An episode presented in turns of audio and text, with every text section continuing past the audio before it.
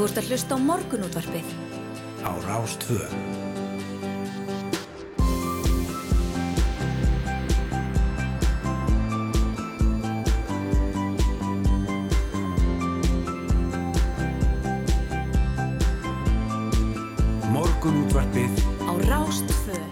Góðan og blessaðan daginn, förstu daginn 18. februar. Hér rúlar morgun út á spöða stað og að þessu sinni er áhöfnin skipuð Snær og Sundardóttur og Yngvari Þór Björnsinni. Já, bjóðum góðan dag á þessum já, fína förstu degi. Marki sem hlakka eflust til helgarinnar held ég. Já, er ekki helgi byrjað förstu? Jú, e, það máli segja það. Allavega svona eftir háti á förstu degi. Er ekki að segja það? Jú, jú, já, ok, alltaf eftir einmitt, einmitt. Ég mist allavega ágætt að hugsa helgina í svona aðeins lengri skamti heldur en bara tefndu. Já, já, einmitt. Það er kannski ágætt líka eftir svona ófarðar viku einhverja.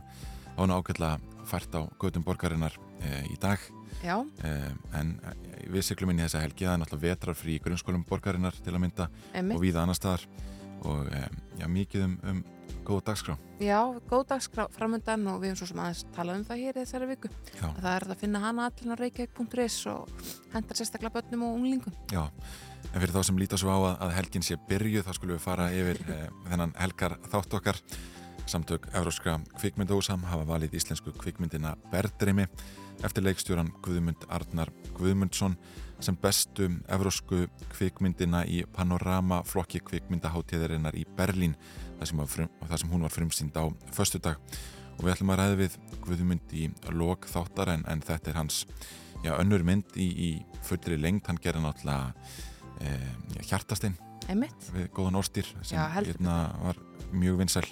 Þetta er önnur mynd hans og, og virðist alltaf vera já, já, vinsæl svona markam á þessi velun sem hann færa á hérna, berlínsku kvikmyndaháttíðinni sem er náttúrulega mjög virt Já, og það er líka bara svo gaman að sjá hvað íslenskari kvikmyndagerð vegnar vel þessa dagana. Já, með mitt og, og ég beld sko lengur en þessa dagana. Þetta búið að vera svona nokkuð góðu gangur í, í já, nokkur ár. Já, já. og talandum föstu dag þá er skemmtana lífið svona að taka á sig eðlilega mynd hægt og bítandi. Og þá fara leigubílaraðarnar í miðborginni einnig að lengjast.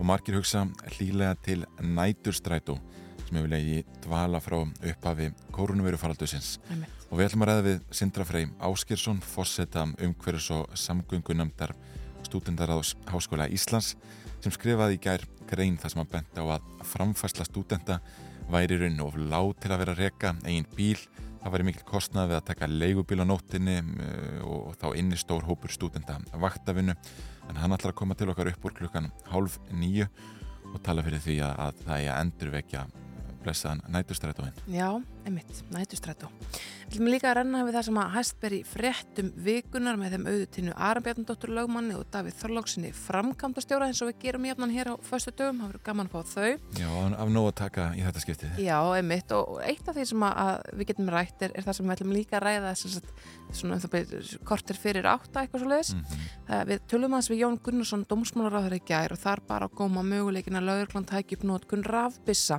eða svo kallara teysera sem að eitthvað svona millistig vops og milli skotvops og kilvu. Amnesty International hefur lagst, lagst gegn nótkun ofinbæra aðala á rafbissum og meðal annars talað um sársöka yðnað og hún ætlar að koma til okkar Anna Lúðvíksdóttir, framkvæmdastjóri Amnesty á Íslandi. Já, já, maður heyrði það gæða að fólk hefur gríðarlega skipta skoðanir á, á já, vopnabyrju lauruglu til að byrja með og síðan hvernig þessar rafbyssur virka, Já. nákvæmlega hvaða áhrif þær hafa á líkamann þannig að það er mörgum spurningum einhvern veginn ósvarað. Já, og svona sumi tala um þessi hættulegst vopn en, en uh, um, í bandarækjunum er heldur talað um less lethal Já, en ekki non-lethal einmitt, sem er sérst uh, minna bannvænt en Já. ekki óbannvænt. nákvæmlega.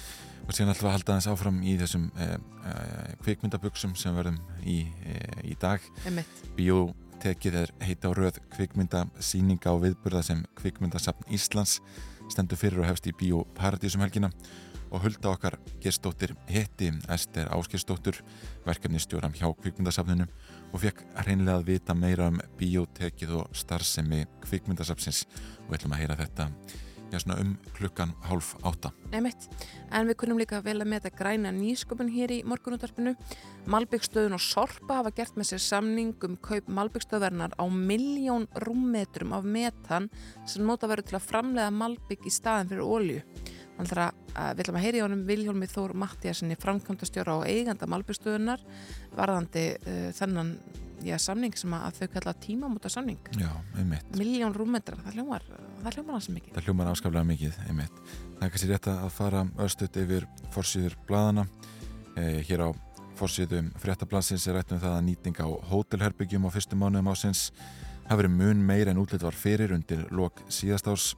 Áallega var að hún erði undir 50% nú í februar en reyndin er allt önnur og betri upp undir 70% og Jóhannes Þór Skúlason, framkvæmdastjóri samtaka ferðarþjónustunar segir að það hefur orðið ótrúlega skörp aukning á skamtímabókunum og með það svo að ja, yfirstandandi mánaður verði stórgóður með við aðstæður og það eru ja, fleiri e, samtök til að mynda félag fyrirtækja í hótel og gisti þjónustu sem taka undir þetta en það er svona hérna þá var ekki þetta að bera þetta saman við hvernig þetta var fyrir faraldurinn en það er allavega að rofa til í farðarþjónustunni Já, einmitt. Uh, hér að fórsögðu fréttablaðs, nei, morgunblaðsins afsakið uh, er talað um deilurinnan stjórnar húsjóðs öryrkjabandalagsins.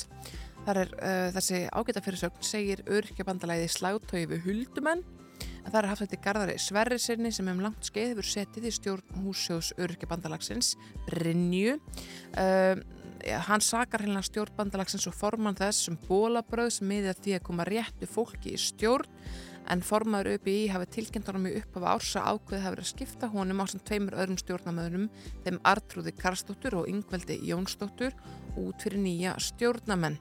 Hefur Brynni-húsið stemt ÖBI fyrir dóm þar sem þessi krafist að afturköllun umbúðstræminningina verði ógilt og skoraða bandalega kjósa með lögmötum hætti í stjórnina að nýju. Uh, brefið sem Garðar hefur skrifað til aðaldafélag ÖBI og morgumblaði fjallarsanst um í dag segir hann að uppsí komið alvarlegt spillingamál þar sem fólk þurfa að rýsa upp til að verja hagsmunni húsjóðsins gagvart og innan gæsalappa þeim sem nú vilja gera sér hátúnslóðina fjöðþúfu og fjármagnarskúfi fyrirtæki huldumanna sem víða vilja hagnast á nýbyggingum. Þetta er hérna greinlega afar flókimál mm -hmm. og, og klárlega ekki öll gull komið til gravar í því. Nei, nei, ég mitt.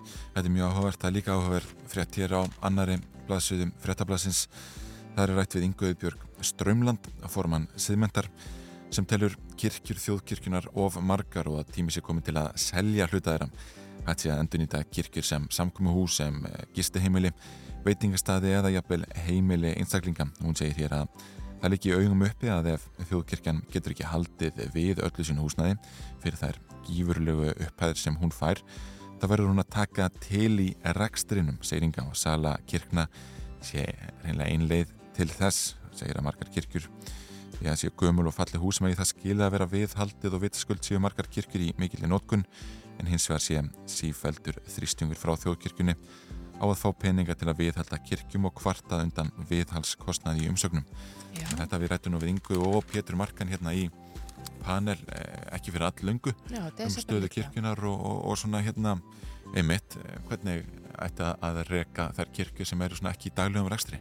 Mér dettur engi kirkja svona fljótu bræði hug sem myndi henda vel sem gisteheimili og það eru eflust til. Nei, og hvað þá sem heimili einstaklings? Já, einmitt. Já, já, það, ég kann ákveðlega á mínu prívat heimili. Já, ég væri svo sem alveg til ég að búa í fríkirkjunni í Hafnafyrði. Það hérna væri afskaplega notalegt held ég. Já, já. En hún er ekki luta þjóðkirkjunni. Nei, reyndar ekki, reyndar ekki. Það hérna, og er í dagleiri nót. Nákvæmlega, algjörlega. En við fyrir að skipta yfir á fréttastofu heyra hvað þau hafa að segja hérna hínum með við gangin og komum svo að spóri með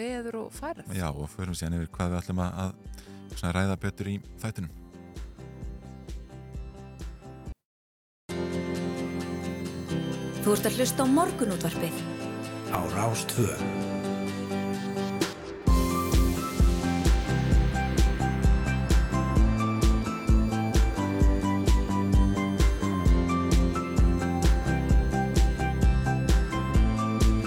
Morgunútvarpið á Rástvö.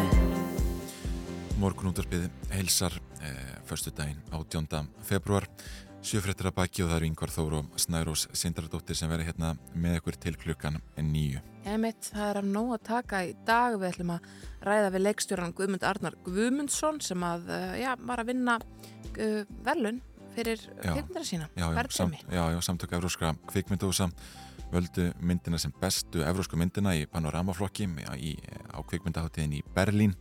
Hún var frumsýnd þar á föstudaginn. og þá er einmitt eh, frábært að fá hann er ný mættir hingað á klakan Einmitt. og verður frábært að ræða við hann í lok þáttar Algjörlega. Við ætlum líka að tala við Sindra Frey Áskersson, forseta umhverjus og samgöngunendar stúdendaráðs Háskóla Íslands.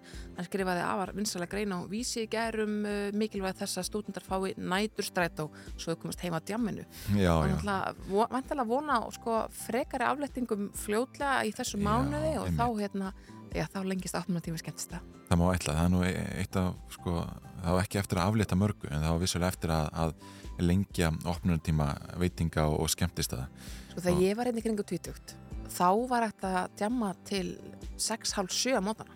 Já, Það er ekki lengur hægt. nei en það er einhvern veginn þannig að ég held að mörg uh, teiti hafi svolítið fæst í heimahús með þessu Jú, jú. það er svona hérna reynslan en hann bendir svo sem líka á það að, að svona hérna já, framfærsla stúdenda sé ekki þannig að þau geta verið að reyka einn bíl og það sé uh, dýrt að taka legubíl á nóttinni Já, og síðan er að vakta vinnan þannig að það er alls konar annað en jammið en, en jammið er, er vissulega mikilvægt. Ég meina það er mjög mikil, mikilvægt að skemmta sér, það er bara þannig. Já og þegar sérstaklega á þessum aldri. Algjörlega. og við ætlum líka að ræða fréttir vikunar það sem bara hæst í, í fréttum eh, með þeim auði tinnum Arin Bjarnadóttur lögmanni og Davíð Þorlósinni framkvæmdastjóra eh, betri samgangna, hann fer Einmitt. fyrir borgarlínunni þess að það er náttúrulega nóg hægt að ræða núna það er einmitt rafbyssurnar sem við ætlum að ræða hérna kortir í átta Já, það er ebling og síðan er það já, mál þessara fjóra bladamanna e, fyrir, e, já, sem, sem lauruglustjórn á Norrlandi Eistra e, hefur búið allir skýslutöku. já Bjarni Benditsson fjármálaráður held áfram að tjá sig um það máli gær.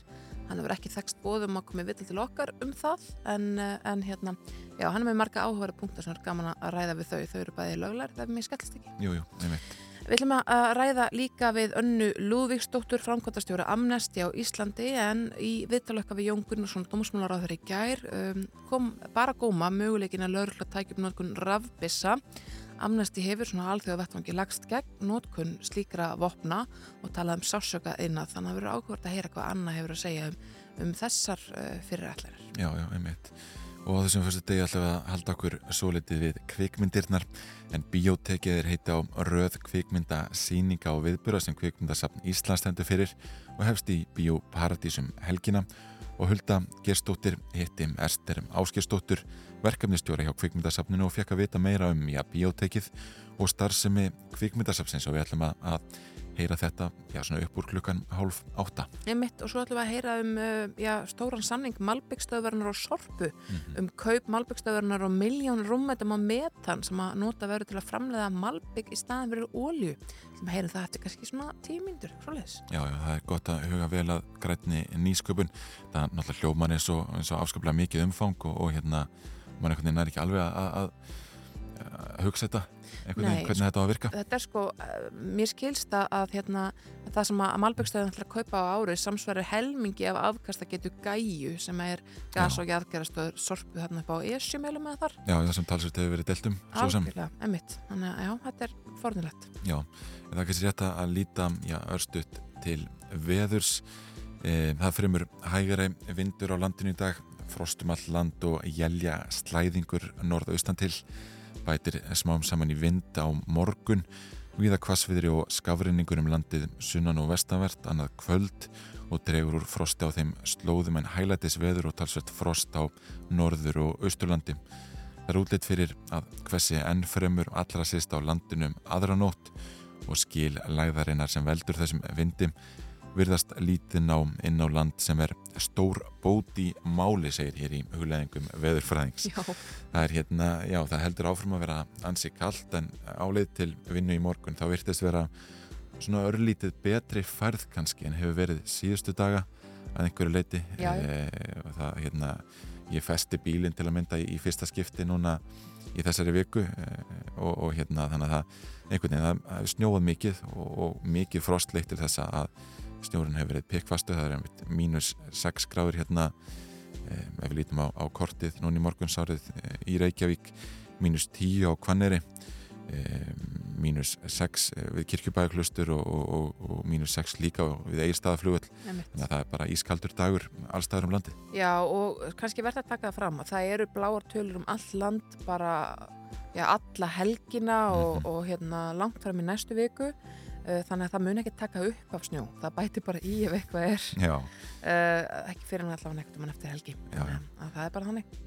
En á korti er á hérna í- á vef, vegagerðarnar þá kemur fram að það sé uh, vegurinn um Krísuvík uh, Krísuvíkuvegur er einfallega lokaður. Hálkan er, á- hálk, það er hálka á sandskeiði og helliseiði og í það hálku eða hálkublettir en snjóðekja á stöku veg á Suðvesturlandi Á Vesturlandi eru hálkaða hálkublettur á flestum leiðum en þó greiðfært á ringvegi, borgarfyrðu og snæfellsnæsvegi um mýrar. Vestfyrum víðast hvar hálka á vegum en uh, hér kemur ekki fram neina lokanir á vestfyrum sem er bara, já, fyrsta skipti ansi langan tíma til tíðenda. Já, það gerir það. Uh, Norðurlandi sumu leiðis uh, hálkaða hálkublettir, ekki talað um neinar lokanir hér og ekki heldur á Norðausturlandi en um, á, á Austurlandi þá er uh, önnur akarinn á lagaflótsbrú lokuð og umferðstjórna með ljósum, einfallega vegna vinnu við brúna. Suðausturlandi hálkaða hálkublettur á flestum leiðum.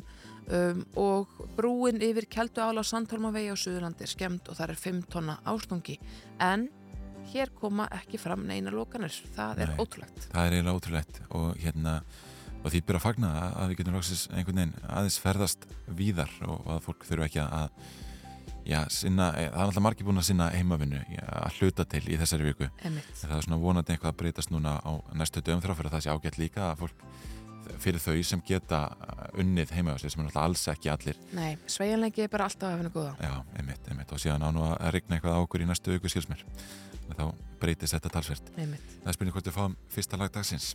Já, þetta er uh, Slow Me Down með uh, Bergrósu Höllu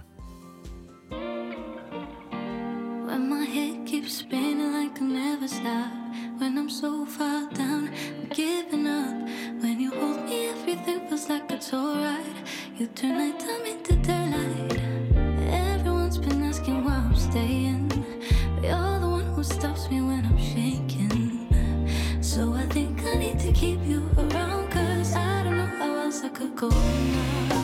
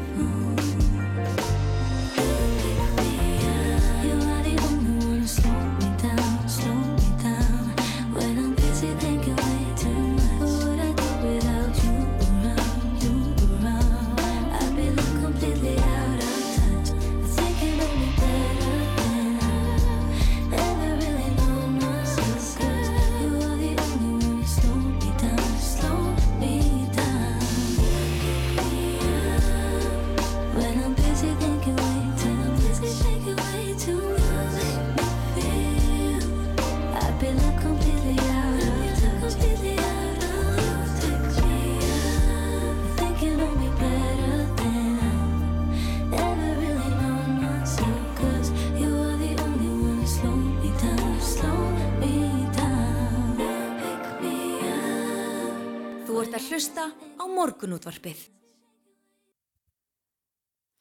Jújú, um, Slow Me Down en við ætlum að, að ég ræða eins um vetrarfrí sem er núna ég nokkuð víða e, hjá grunnskólum landsins sérstaklega kannski hjá Reykjavíkaborg núna það er, það er einhvað mísamt eftir, eftir dögum Já. nákvæmlega hvenar vetrarfríð er.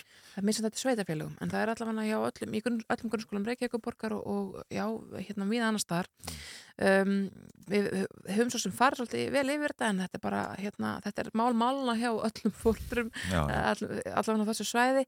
Um, og það er margt í bóði í dag, hér kemur fram inn á vefur Reykjavíkuborgar að um, í borgarbókarsafnunni í Árbæ, þar verður uh, Harry Potter spurningakeppni mm uh, í dag klukkan 2 þannig að það er ekkert smá gaman að skella sér það.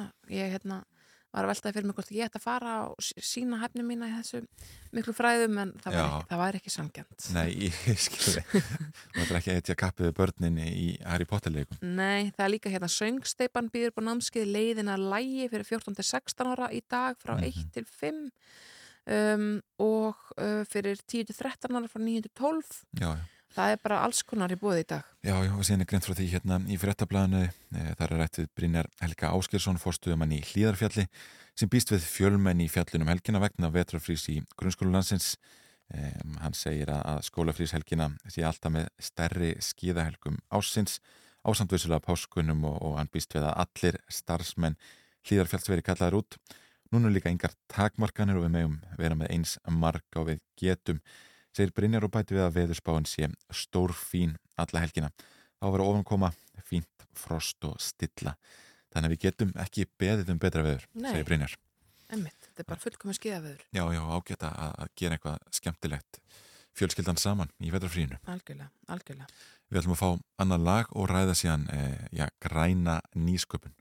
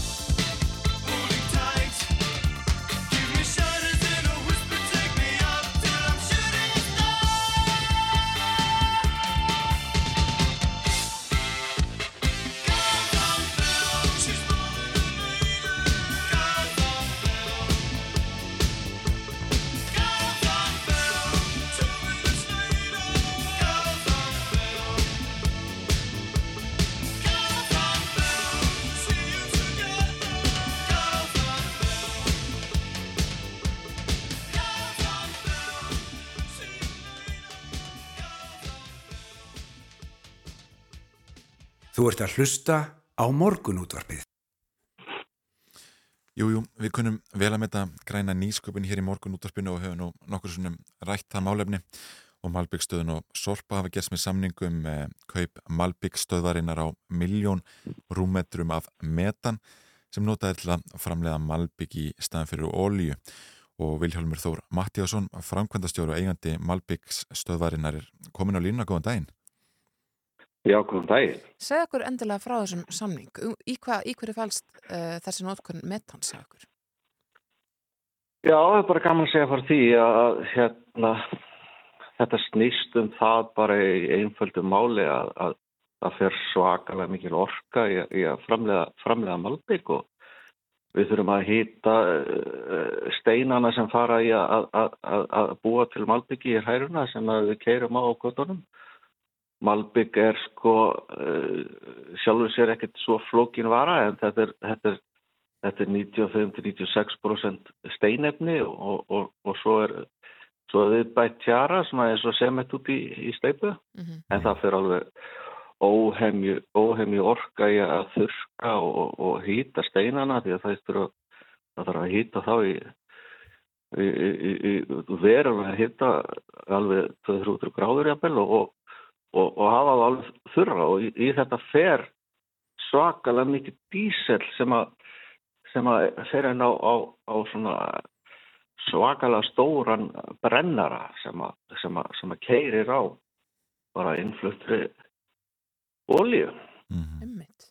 Sko, uh, hva- hvað, ég meina, er ekkert mál að skipta yfir í metan bara? Var þetta bara auðgert og auðvöldur samningur að gera yfir sorpu? Sko, nei, þetta er ekkit auðvelt sko verkfræðilega séð og að vera smá þrjótt að ganga þannig séð að því að uh, uh, við notum svo mikið magn og, og hérna uh, hugmyndin var að leggja leiðslu frá sorpu í Malbæstöðuna því að við erum líka upp á Esmölum -hmm. en, en máli er bara að, að, að gasi kemur bara ekki nógu hratt sko. Mhm. þannig að það er að sapna því upp og, og svo, svo bara brennum við það yfir daginn sko. Já, einmitt. en, en E- e- Þetta er rosalega mikið það, kaupa árlega alltaf miljón rúmmetra af, af hreinsuðu metangasi. já, ég segi, þetta er hérna þetta er bara okkar framlag bara til í, í, í þessu stóra verkefni okkar og, og hérna uh, bara uh, hugsa, aðeins hugsa út í bóksið, þetta er uh, við erum ekkert að greiða pening á þessu en þannig þetta er að kosta okkur bara svakalega, svakalega mikið og, og, og, og uppbyggingi sem við þurfum að, að gera í, í stöðina og, og, og sem betur fer þá, þá náði, við, við settum upp nýja stöð 2020 Mm. og uh, ég keift hana bara þannig bara með það leiðilegs að þetta myndi ganga upp og, og, og hún kom með þeim búnaði sem þurfti Mm Mm uh, án þess að ég var komin neitt samning eða neitt þannig en, en bara til örgis. Já, þið, talaðum það að, að sko, hérna, að vera framleiða hágjaða malbygg, rænasta malbyggi á landinu. Sko, hva- hvaða áhrif hefur þetta á malbyggið sjálft að vera framleiða þetta með, með þessum hætti? Er þetta alveg jafn örugt og, og hérna, endinga gott? Já, það er nefnilega góða í þessu. Þetta, þetta hefur nefnilega ekkert með gæði að gera sko. Þetta, þetta bara snýst um að, að orkuna sem fer í að, að hýta, Já, þurka. Svo eftir það ferli fer þetta inn í stöðina í ákveði kerfi sko. mm þannig að þetta Þannig breytir ekkert, að- ekkert malbygginu sjálfu. Ekki nokkuð skapaðan hlut. En náðu þið að verða alveg ólíulegs með þessu magni, miljón rúmmetrum af, af metani? Uh, ekki alveg. Svona uh, til að byrja með við fáum vonandi meira og meira metan en að, við, við erum, erum stórnotendur. Mm en, en, en uh, vonandi fáum meira. Við viljum skipta það eru líka fleiri staðir sem náttúrulega olíu hjá okkur. Það eru, eru vörbílar og, og, og annars slikt sko. Mm. og þetta er ekki, það er ekki nóg fyrir þá líka í, í augnablikinu en það uh, sorpa getur gert einhverjar breytingar og, og aukið afgæst að geta sína vonandi í framkvæm- framtíðinni En og þá, þá er þetta að setja þetta á fleiri, fleiri tæki. Já, bara rétt í lokin að þú nefnir alltaf vörubílan ekkar og, og, og hérna, stóru tækin. Sko, hvað er þið nálagt orkuskiptum varandi þau? Fara bara í raf bíla og raf uh, valdara og allt þetta. Tæknin er ekki alveg komin svo langt í, í, í, í vinnuvélum því miður. Það er að byrja að koma smá ramast hengt, þá er svona stóra rafstöðar hengtar utan á en sem ganga fyrir dísel en, en, en hérna og annars slikt en, en, en vörubílarnir eru fannir að keira á metangasi Já. og, og, og, og, og, og það, en, í vörubílu það er, það er ekki komið. Nei, en allt á leiðir rétt átt. Alltaf leiðir rétt átt. Viljum Þór Mattiasson, frangotastjóri og eigandi Malbyggstöðarinnar, takk kærlega fyrir að vera línunni hjá okkur. Takk sem leiðis. Hefur þú ekkert mann unnið í Malbyggingar? Nei, ég hef aldrei unni í Malbyggi en, en þetta er svona hérna, maður þekkir marga sem taka einhvern veginn sumarið í, í þetta. Já, ég hef tekið eitt sumar í hellulögnum, það er svona starfi sem ég nota til að slá um mig með, sko. Þegar Já. að fólk er eitthvað, hvað hefur þú ekki eitthvað, Já. nýið saltar sjóa? Nei, en ég hef unnið í hellulögnum. Þú hefur lagt hellur. Já, ég er bara, mér finnst ég bara góð í því, sko. Já, En ég, einmitt. það er vissulega 15 ár síðan. Við ættum kannski að nýta sumarfrið okkar í, í það að leggja Malbygg og hellur og, og hérna gera þetta allt með metani. Já, það þurft að steipa, sko, í kringum hellunar Já, já. Þannig að, hérna, ég hef meira reynslu steipu en, en Malbyggi. Já, einmitt. Herðu, við ætlum að, að heyra eitt lag og, og skipta síðan yfir á fréttastofuna. Þetta er Rocky Trail með Kings of Convenience taldum fríkirkju landsins. Þá spiluðu þeir hérna í fríkirkju Reykjavíkur Já. á Airwaves 2009 en við skjáltast ekki. En þetta er lagið Rocky Trail.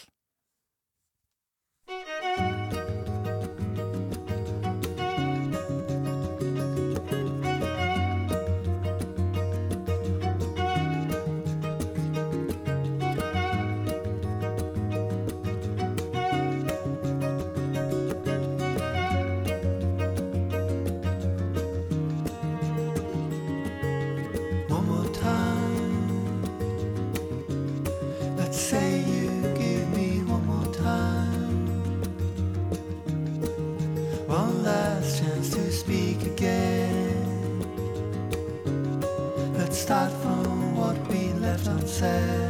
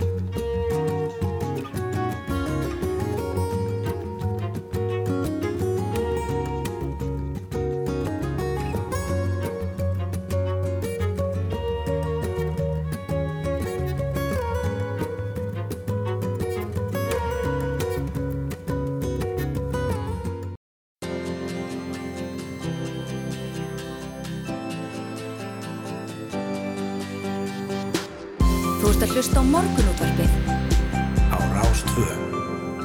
Jú, jú, við sittum hér í stúdíó 2 í efstaleiti Snæður og Sindardóttir og Yngvar Þór Björnsson en við erum svo heppin að Hulda Geistóttir er í morgunúntars teiminu uh, og hún, um, hún fór og, og rætta hans við Ester Áskistóttir, verkefnastjóra hjá Kvikmyndasafni Íslands og fekk að vita meira um biotek sem er heiti á rauð kvikmyndasýninga og viðburða sem Kvikmyndasafni stendur fyrir og hefst í Bioparadísum helgina. Við skulum heyra þetta viðtal. Bíótekið er heiti yfir reglulega kvikmyndasýningar á vegum Kvikmyndasaps Íslands sem haldnar er í samstarfi Bíóparadís og uh, þarna er bóðið upp á íslenskar og norrænar kvikmyndir eitt sunnudag í hverjum mánuði og þetta byrjar núna 20. februar og til að segja mér betur af þessu er komin til okkar hingað í morgunúttarfið Ester Áskistóttir, hún er verkefnistjóri á Kvikmyndasafninu, velkomin. Takk. Þetta er, er þetta alveg nýtt fyrirbæri, þetta bíótek? Já, við erum svona bara aðstopna það núna. Við erum reyndar aðeins búin að senka því út af COVID. Við vildum freista þess að fá sem flesta í bíósalinn en ekki bara tíu. Já, heimið, Þannig að- hafa þetta fyrir ná sem flestum bíóunnundum mín. Já, En- þannig að viðmiðið er að vera alltaf fyrsta sunnundagi hverju mánuði en, en sem sagt þannig erum við komin 20. februar en, en svo ætlum við að halda okkur við strikið að vera fyrsta sunnundagi hverju mánuði. Já, takið upp þráðin í, í mars þá þar. Já. En uh, ég talaði um hérna sagt, íslenskar og norrænar kvikmyndir. Um, af hverju þetta? Við bara höfum verið í ágættu samstarfi við Norrænu kvikmyndasafnin Mhm. og höfum heimsóttu og vorum til dæmis í heimsóttni í danska kvikmyndasafninu ekki fyrir löngu að, að kynna okkur svona þeirra starfsemi Mhm. og þau reka svona biotek reyn- eins og reyndar kvikmyndasafn bara um og uh, reyndar er bara erum við bara stefna núna á að byrja með samstarfi við Norrænu uh, safnin en svo ætlum við að er stefnan bara að starfa bara með öllum og vera jafnvel með franskar kvikmyndir næst eða rúsneskar eða Já. Það er þetta að fara í hvaða þema sem er í raun og veru. Já, og bara út um allan heim. Já. En það er ekki allir þarna úti sem vita almennilega hvað kvikmyndasafn Íslands er. Nei. Hva, hvað er það og hvar er það? Já, það er svona bara fyrirbæri sem er staðsett í Hafnafyrði og, og þar varðveitu við allar íslenskar kvikmyndir og, og allar þeim, sem, að, já, sérstaklega allar þær sem hefur skilað til okkar.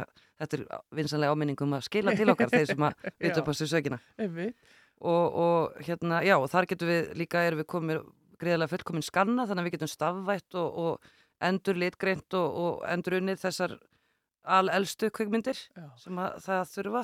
Og hvað, hvað er svona uh, þetta elsta efni? Ég meina, hvað eigið þið aðna? Er þetta alls konar gullmólar? í alls konar gullmóla. Núna nýlega vorum við nú til dæmis að sína sögu borgarætturinnar sem að er þögul kvikmynd, gríðarlega, gríðarlega merkileg og, og mjög gömul og það tók þrjú ár að endur gera hana Já. og þurfti að ná í skann líka sem sagt, sum, sumir hlutar filminar voru mjög skemmtir í milli af því að það líka varðveitt í Danmörku Mm. þannig að þetta var svona samsett úr, úr nokkrum útgáfum af myndinni og kom alveg óðbáslega vel út. Ég held að ég myndi aldrei fara að lifa af þöggla kvikmyndi þrjá klukkutíma en ég, ég gerði það og hún er gríðarlega, kemur rosalega vel út og falleg tónlist sem var sérstaklega samin fyrir hana.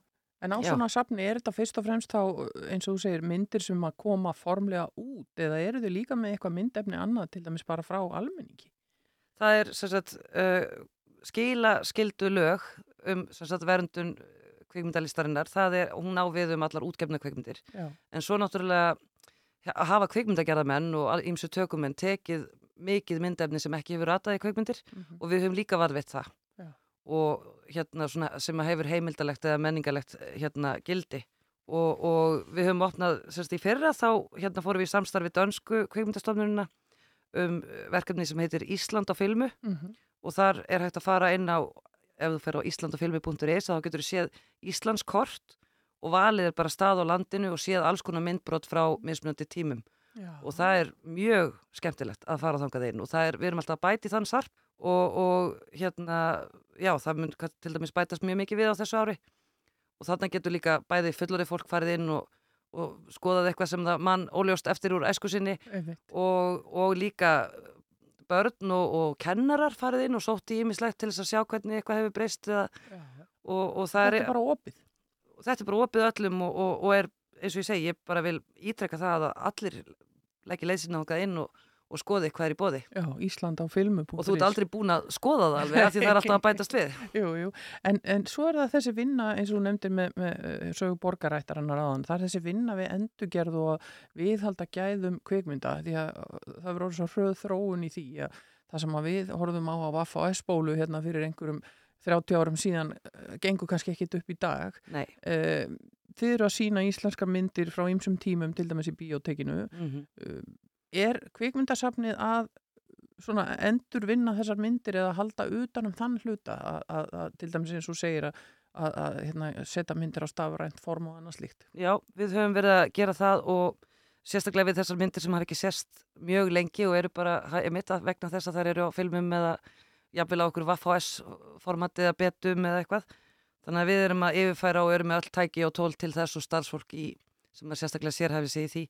En svo eru sömarmyndir sem að uh, framleiðendur hafa sjálfur hérna endurinn eða stafvætt, stafvætt jafnvel út í heimi áður en að við fengum skannan Já. á safnið og litgreint og þannig. Þannig að þetta er svona mix. Við Já. erum bæði með það sem að framleiðendur hafa sjálfur gert og það sem að við Já.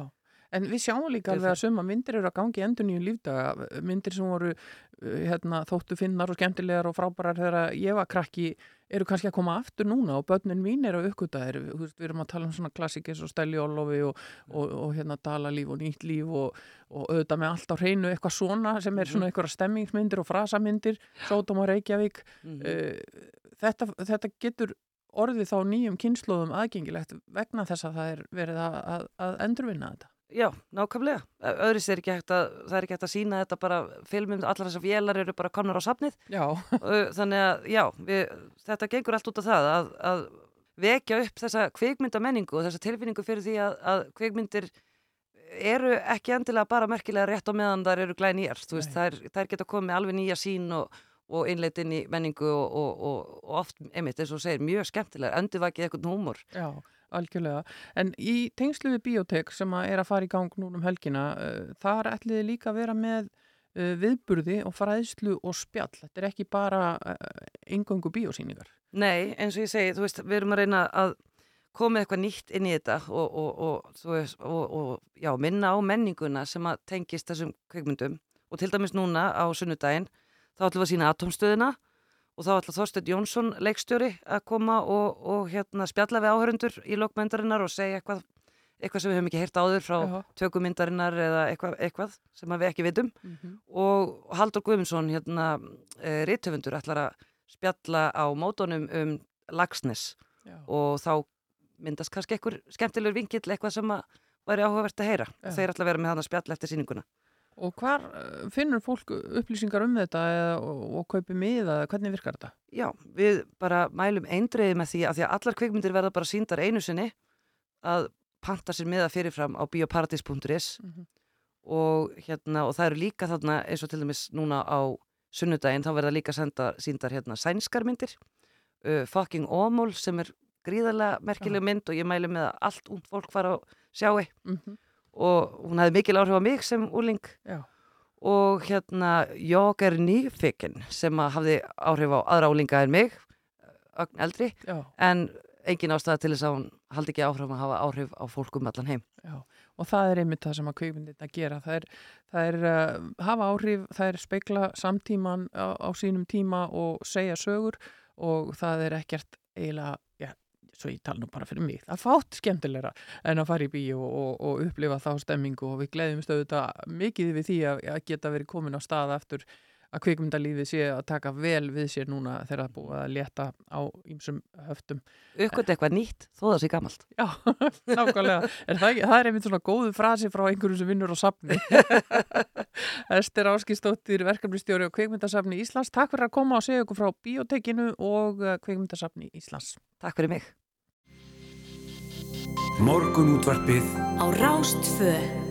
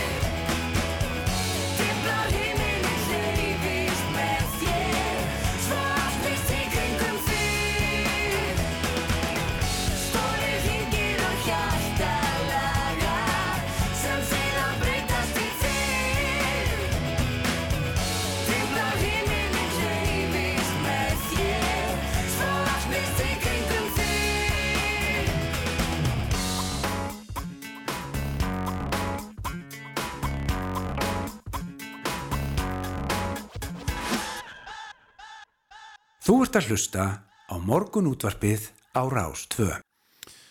Jú, jú, Íra fór þarna, þetta er að föstustags bragur af þessu lagi getur við sagt.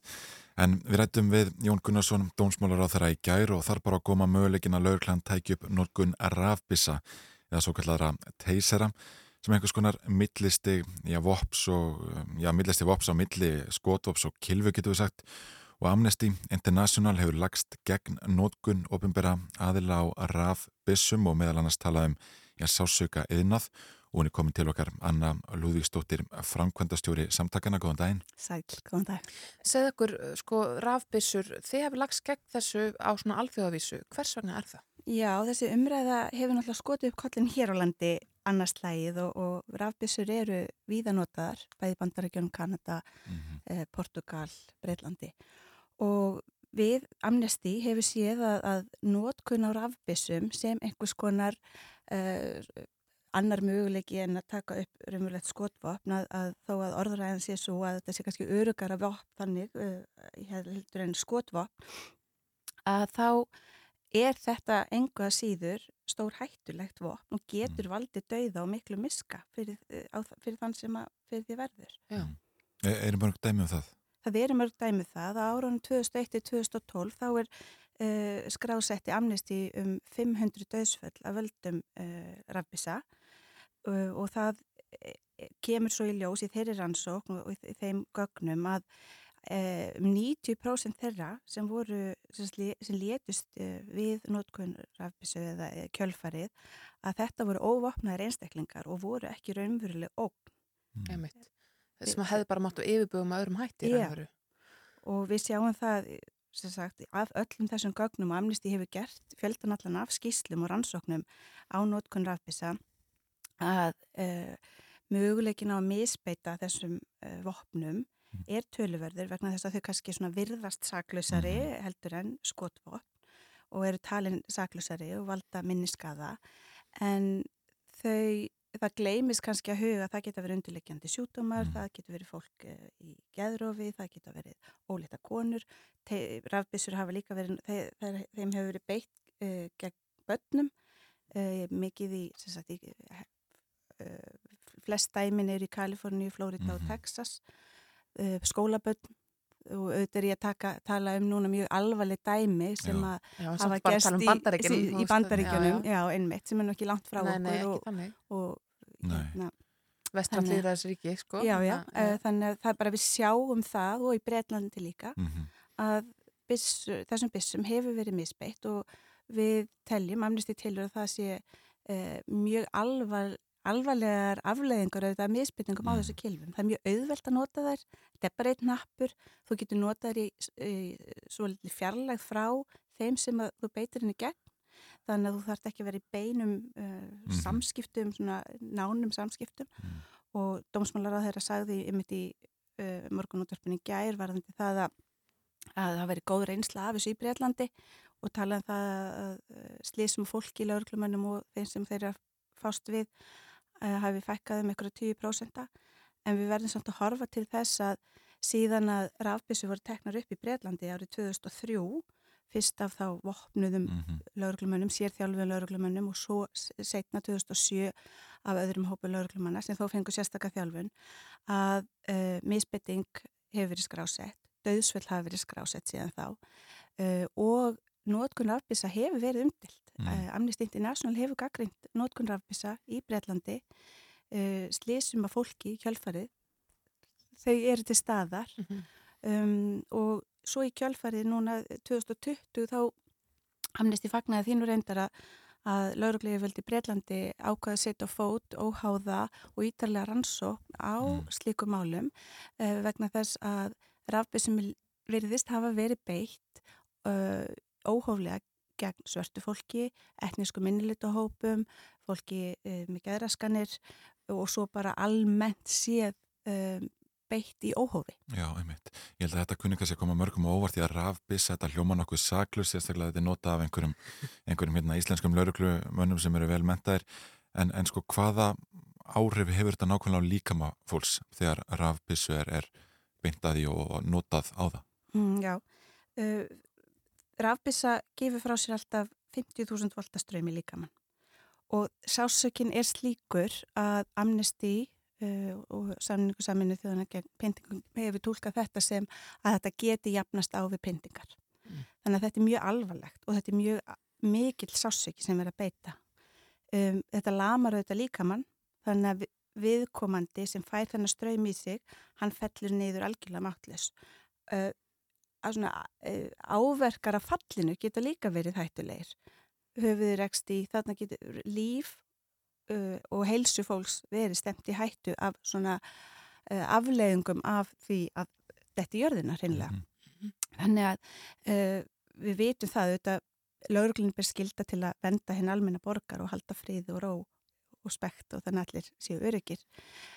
En nótkunnar afbissu er mjög uggvanleg vegna þess að hún getur uh, brotið á mannréttindu fólks og það er þess vegna sem amnesti er að velta þessu fyrir sér um, að því að uh, afleiðingarnar eru slíkar, okkar helsti grunnréttur er rétturinn til lífs og rafbissa getur ógna honum.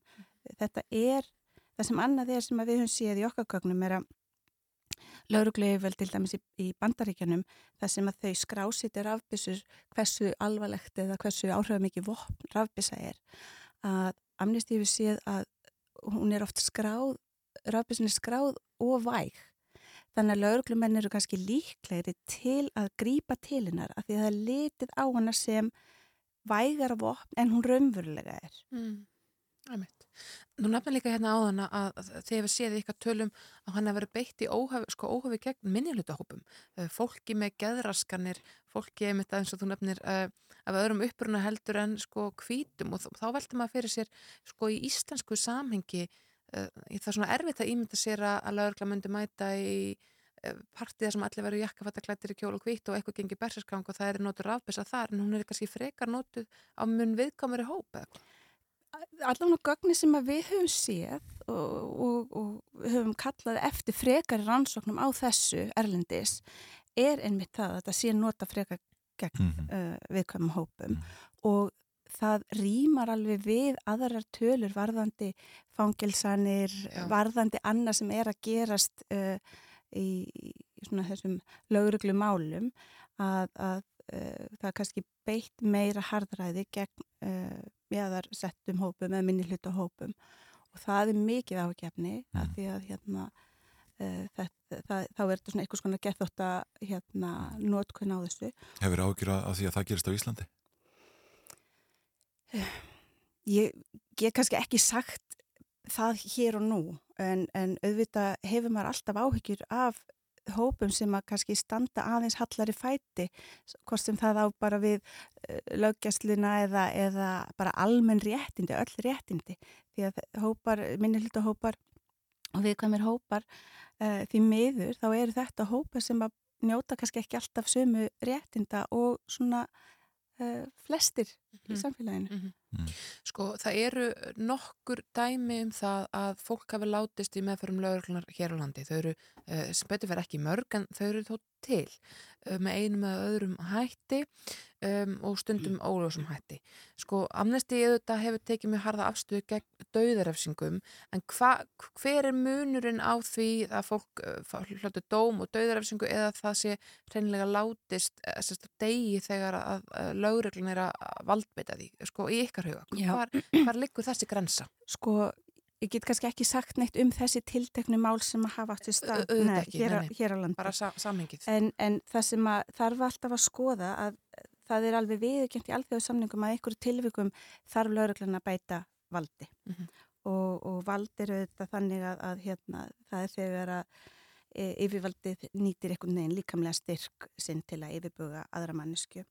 Um, það sem þarf að vera eh, til staðar til að það sé í rauninni leift að uh, það þarf að vera lagaheimild fyrir því að slíku valdi sé beitt og slíkt vald skal aðeins vera notað í algjörnöðsinn og í réttu hlutfalli við aðstæður og sem réttleitanlegt úrræði. Þannig að það þarf að vera gett meðalhófs og það þarf alltaf að leita eftir vægastu leiðinni til að beita valdinu. Mhm.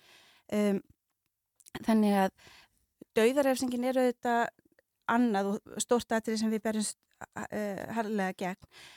En þar er uh, oft farið gegnum einhvers konar domstóla uh, við tölum fjarlæga lönd, kannski ekki alltaf en, en í svona löndum eins og bandaríkjunum, þá er farið gegnum domstóla um, það sem gerist þegar að manneskja deyr í varðhaldi eða við handtöku þá er greinlega eitthvað sem hefur algjörlega farið úrskeiðis og þar var rannsaka og amnesty myndi vilja þá kalla alltaf eftir óháður og ítalið rannsókn á hverju einasta máli sem þetta uh, á við. Já, Ka- kannski rétt í lokin, hvaða afleðingar heldur að, að þessi hugmyndum rafbyssu notkun hér á landi hafi? Heldur að þetta leiði til eh, já, skapi vettvang fyrir frekara vopna, kapplaup á milli já, yfirvaldsins og, og þeirra sem stundar skipulaða brotastarðsami? Já, sko, maður, það er erfitt að segja en auðvitað sagði Jón Gunnarsson einnig í útvarpinni í gæra að það þurfti að stemma stigu við þannig vopnabur sem að virðist vera að færast í aukana hér á landi og þetta er graf alvarlegt máluð þetta. Ég veit ekki og ég dreg það í efa að rafbyssuvæða laurukluna í einu vettvangi uh, verði til þess að uh, stemma stigu við vopnaburð einstaklinga í samfélaginu.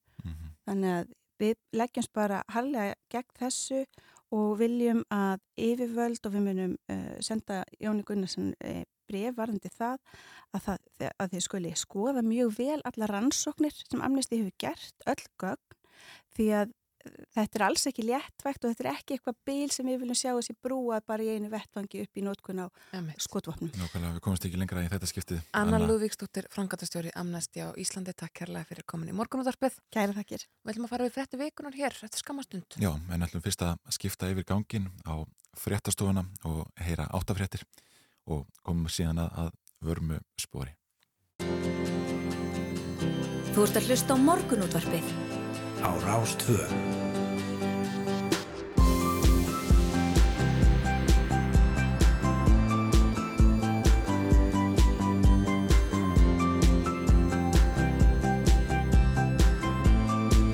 Morgunútvarpið Á Rástvö. Jú, jú, áttafréttir að baki og setni áleikur að hafinn í morgunútvarpinu hérna á Rás 2. Við vorum að ræða að rafbissur við framkvæmdastjóra Amnesty á Íslandi, erum búin að ræða Malbygg og Metan og, og ja, röð kvikmyndasýninga og viðbura sem kvikmyndasafn Íslands stendur fyrir og hefst í Bíóparadísum helgina.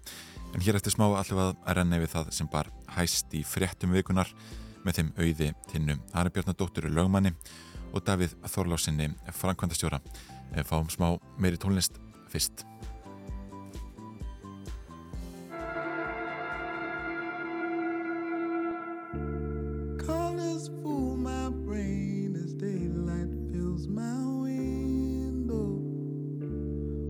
What a fool I was to sit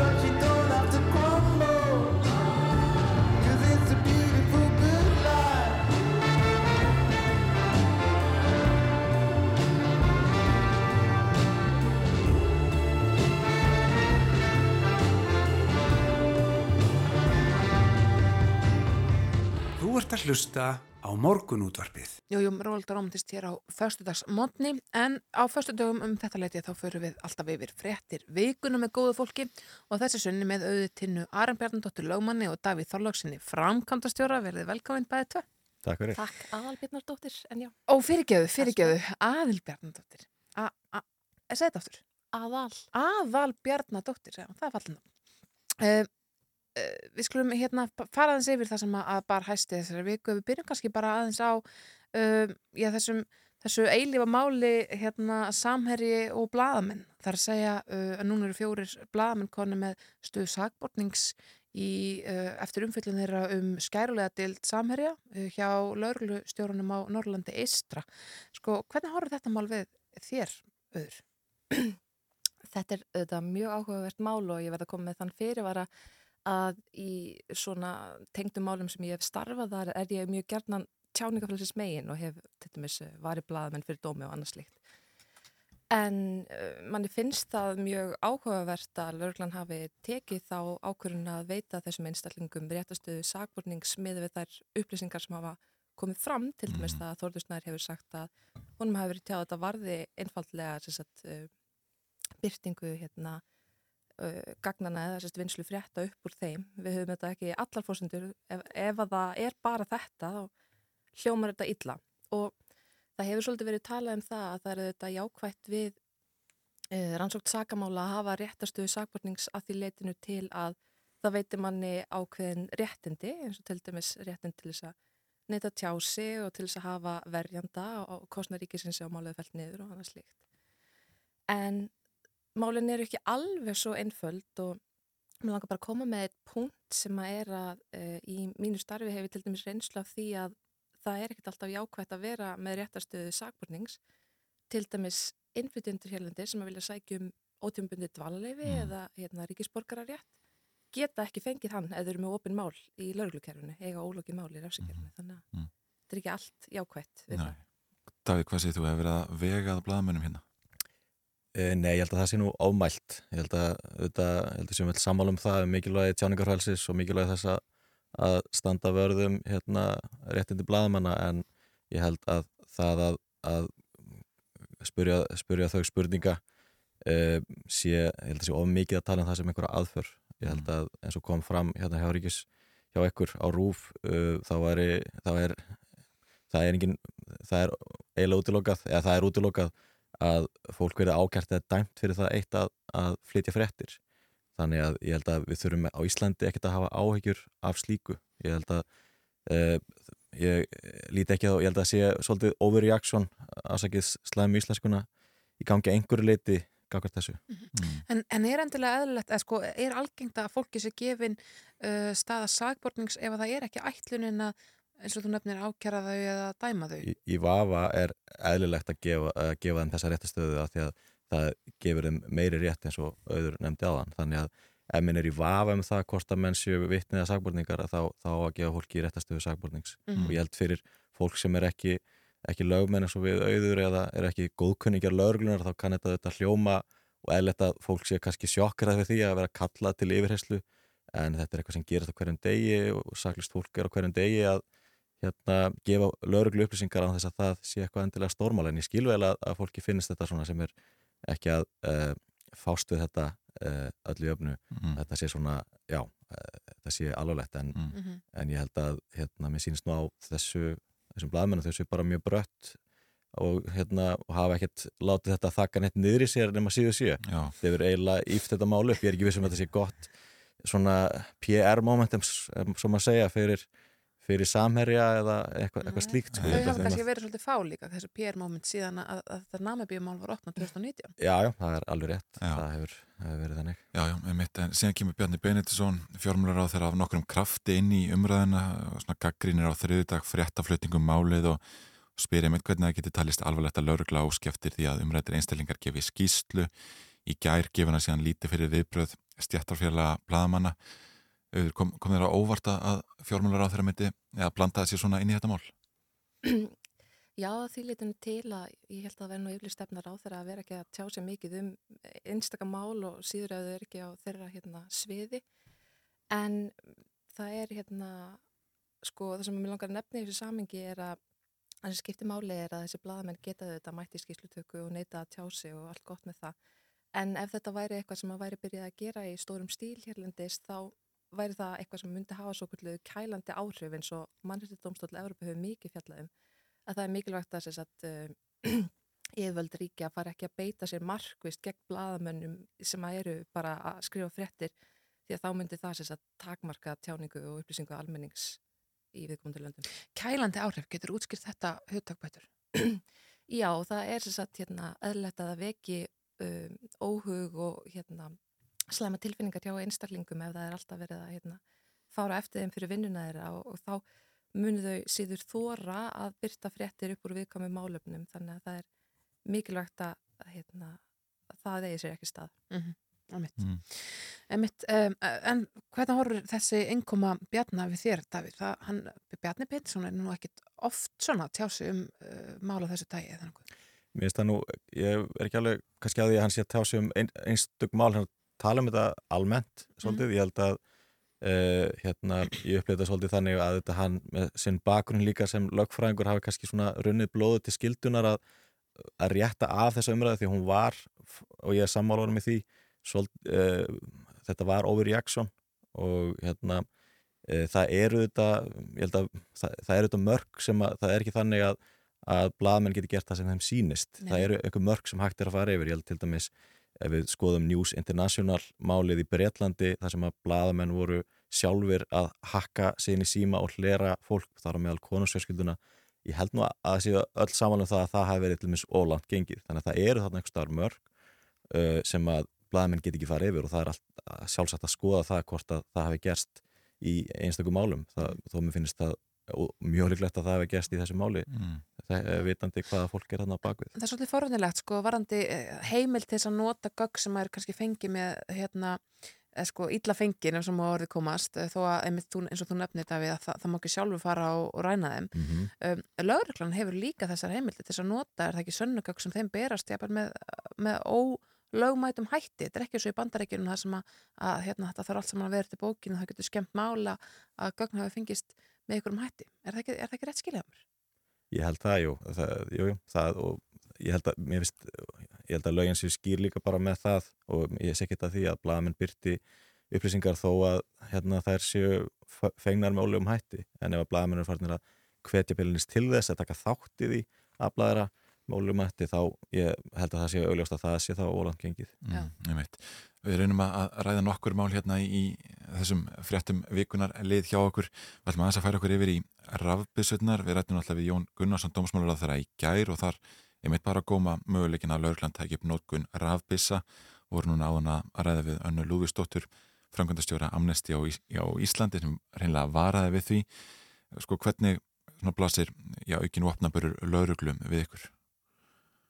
Ég held að uh, við, þetta kemur, þessu umræða kemur reglulega upp í kjölfarið á einhverjum svona einhverjum vondum málum sem að koma, koma upp og koma fram í fjölmjölum og það er eiginlega akkurat svo tímapunktur sem á ekki að vera að ræða um þessi mál finnst mér, eða jú, allt svolítið að ræða um þau en alltaf ekki að taka ákvörn um það. Og eins og kom fram til dæmis hjá hjá okkur Rúfi Kastljósin í vikunni hjá hérna frá doktor í afbrótafræði þá þurfum við að svolítið að, að skoða þetta úr fjarlægð skoða afbróta tölfræði fyrir ekkar en einstök mál, jú það hafa núna á stuttum tíma komið upp tvær skotára sér en, en það er ekki ekkert sjálfgefið að, að þetta sé eitthvað að færast í aukana út af einhverjum tömum málum, við þurfum að skoða tölfræðina heilt yfir held ég bara á og svona sína ákveðna stillingu í þessu. Ég held að við höfum að fara mjög varlega í það að auka, auka á, á vopnabyrð lauruglunar, það þurfa að vera mjög sterk rauk fyrir því að, að það sé gert. Og ég held að þessar tvær skotar sér, það, það séu engan veginn næg rauk fyrir því, ég held að þurfum að skoða þetta miklu starra samengi.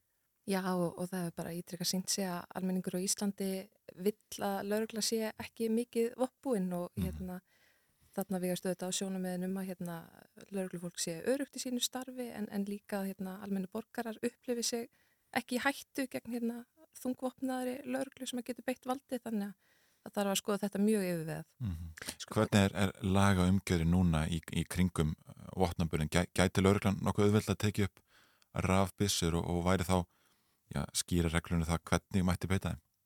Sko það er ákveðin reglugerð um sagt, valdbeitingur lauruglu og ég tel að þurfti að bæta við ákveði þar um þennan möguleika þar sem að það er svona valdbeitingar stígi að fyrst eru skipanir og svo eru lauruglutök og svo eru handjátn og svo kilfur og hérna bissur eru hérna efst uppi og, og þá myndir til dæmis verið beitt inn þrepi þar hvar rafbissur koma inn hvernig er eðlilegt að nota þær þannig að það eru skýra reglur um þetta allt saman og þurfti að já, bæta við það umfyllun. Um, öðruleiti þá hérna var nýr formar eflingakosin í vikunni. Solveig Anna var endurkjörinn eftir að hafa sagt af sér embati í nógumbyrsiðislinum. Sko, fannst ykkur uh, þetta spennandi kostningaborta? Uh, nei, ég, ég hef búið litla skoðanir á, á hverjir eru formin í félagum sem ég er ekki. Ég er ekki, mm. ekki meðlumur í eflingu en mér finnst þetta kannski áhugaverð að skoða þetta bara í stærra samengi. Af hverju er svona mikil átök um yfiráð í stjættafélagum? og ég, það er áhört að skoða bara ég, til gaman skikti á ársækning eblingar, ja, til gaman sé kannski ekki rétt orðið, en ég kíkti á hann gerir Ebling er á 10,5 miljardar í handbæru fjö, bara já, ekki eignir já. Heldur í handbæru fjö 10,5 miljardar? Já, og útgjöldin eru sko 3 miljardar árið þannig að þau gætu felt niður félagsgjöldin í þrjú ár án þess að þurfa að minka starfsemi sína. Það er mm -hmm. gríðarlega miklu fjárminir hann í spilinu og þetta er ekki einstæmi, þetta er svona í fleiri stjættafjölögum. Af hverju er þetta svona? Eh, ef við skoðum sko, tölur yfir eh, þáttöku í stjættafjölögum, þá er hún miklu herri hér heldur í nokkru öðru vesturinu landi um 92%. Næsta eftir ykkur koma Danir með 67, miklu læran, í Nóri er þetta 49%. Mm -hmm. Uh, ég, þetta, stjætafélagin gegna þetta mjög mikilvæg hlutverki sérstaklega fyrir svona fólkið á undir meðalunum uh, en ég hef ekki alveg skilið sko af hverju fólk um og yfir meðalunum, af hverju stjórnendur sérfræðingar er í stjætafélagum í ja, miklu mæli, fólk sem semur sjálft um sín laun, af hverju er það í stjætafélagum fyrir, fyrir meðaluna mann meðaluna er cirka 800.000 þá getur verið að borga hátt í 100 skonur ári í stjættafélag. Liggja þessar, þessar, uh, þessar fjárhæðir bara í lau, sko, hérna óhreyðar hjá allum stjættafélagum, margir miljardar? Þetta eru í, í þeirra já, sjóðum uh, sem þau geta þá nota til dæmis í, til hérna þeirra kemur að, að vinnudeilum, geta notað, þetta er oft kallað verkvælsjóður og annað slikt en það er engin lög sem að, það er ekkert sem segir að, að uh, held ég að stjórnaflingar get ekki ákveðið að nota pening úr verkvælsjóði í eitthvað annað Já. í hérna einhverja herrferðir eh, í fjölmjölum eitthvað slíkt sko þannig að mm. þetta er eitthvað sem að stjórnin getur nokkuð rástaða nokkuð frálslega á meðan að þetta, menn hérna aðarfundur er ekki að skipta sér að því. Mm. Auður, hvernig já, blasir nýr formaður að nýkjörin, endurkjörin formaður eflingar við þér? Um, já, ég kannski hef bara alveg þá aðtöða senda mist jákvægt að hérna það séu líflegar kostningar í næstasta hérna, stjættafélagi landsins og bara þrý listar í bóði og bara mörgreit atkvæði og bara mjög líraðislegt og gott að það sé þannig. Já, það, já þið verð bara þetta er svona góð þróun að það sé svona þessi miklu átök innan eflingar eða innan stéttafélag almennt. Kannski ekki, það sé mikil átök en mér finnst bara mjög gott að það sé hérna bara spennandi kostningar og það mætti vera við það. Heldur að þetta slái tónin fyrir kjara baratuna framöndan? Ég held að uh, það er allavega það er ekki, engin breyting, það er sama fórústa, já ekki kannski sama fórústa var í síðustu hugu en sama fórústa var í síðustu kjaradeilum skulum við segja, þannig að það kannski segir svolítið til um það þá hvernig þetta verður, það er þetta já, ég samála auðvitað með það, það er jákvæmt að það sé uh, margt fólk sem tekur þátt í þessari kostningu það er samt ekkert, það er margt svona hvað að segja, samanbúrið við önnur félög eða svona síðustu kostningar en nýstjórnin og samt bara með 8% félagsmanna bakvið sig, þetta er ekki meir en það, en það þykir mjög gott í þessum bransa, það er mjög mikil líðræðishalli í stjættafélagunum, það er yfirleitt mjög lítil þáttaka Einmitt. þannig að það er eitthvað held, held ég sem, sem sé áhugjefni og síni kannski að hinnum almenna félagsmanni er nokkuð sama og ég er heldur ekki vissum en almenna félagsmaður átti svo oft á því kannski að hann sé stjættafélagi í hvað stjættafélagin er eða hann hafi val um það, sko. það þetta gerist oft bara sjálfkvæð, þú byrjar í nýri vinnu og ert bara skráður í eitthvað stjættafélag Alveg bara blá lokin og lettar að notum hvað ætla að gera um helgina. Ég ætla að fara á hótelja á Jökulsálunni, Já. Ok. njóta þar og hérna, fara á tónlistanámskeið með ungum sinni mínum, það er alltaf skemmtilegt líka. Já, Ah, nýta vetrafríð. Einmitt. En þú, Davíð? Eh, Já, við, eh, kærasti minn á, á von og vinum frá Spáni núna setna í dag, þannig að það þarf að, að sína þeim Að það er landið. að væna og dæna erlanda ferðamenn. Já, ítaðum ykkur sköplum og svona. Já, nákvæmlega að láta að finna hvernig ílsku vetur virkar. Eh, Davíð Þorláksson og auður tinna aðal Bjarnar Dóttir, takk kærlega fyrir komuna í morgunúttarpið.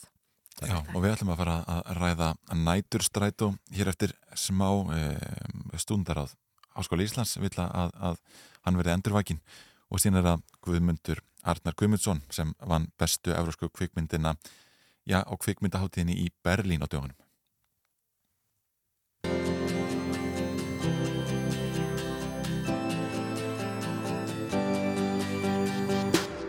Þú ert að hlusta á morgunútvarpið á Rástvö. Jú, morgunúðarbið heldur hérna áfram það er Yngvar Þóró Snærós Sindradóttir sem verður hérna með okkur til klukkan nýjum. Við vorum að fara yfir fréttir vikunar og ætlum næst að ræða, já, nætur strætó Snærós. Já, emitt, djammer snild eins og allir stúdenda vita og þá var mikilvægt að komast heim eftir það. Já, þá og einmitt ekki allir stúdendar sem hafa efnað því að borga 7000 krónur í, í e, leigubil. Nei, emitt, alltaf minnst ekki þeir sem að, emitt, sko, nefnir þeir sem búa stúdendagörunum hér í Varsminu, þeir geta kannski rölt heim bara. Já, já, einmitt. Herði, en við ætlum fyrst að fá eitt lag. Já, þetta er uh, gammalt og gott Ready or Not með Fugees.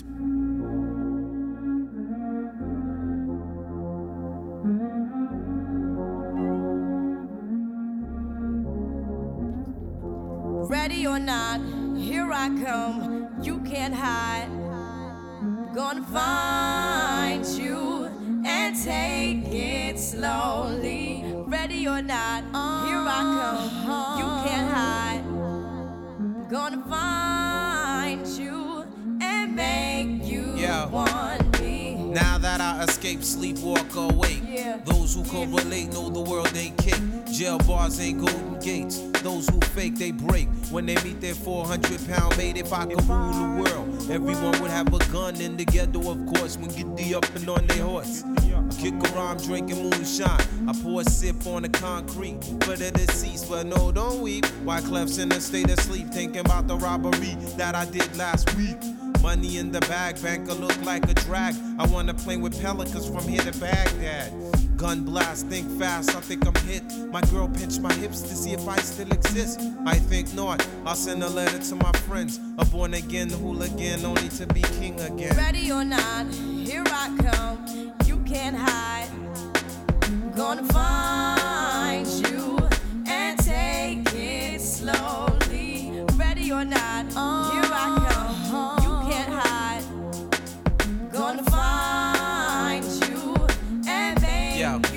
yo, yo. I play my enemies like a game of chess where I rest. No, stress, if you don't smoke cess. Less, I must confess, my destinies manifest. In some cortex and sweats, I make tracks like I'm homeless. Rap orgies with Porgy and Bess. Capture your bounty like Elliot Ness. Yes, bless you if you represent the fool, but I hex you with some witches brew if you do do voodoo.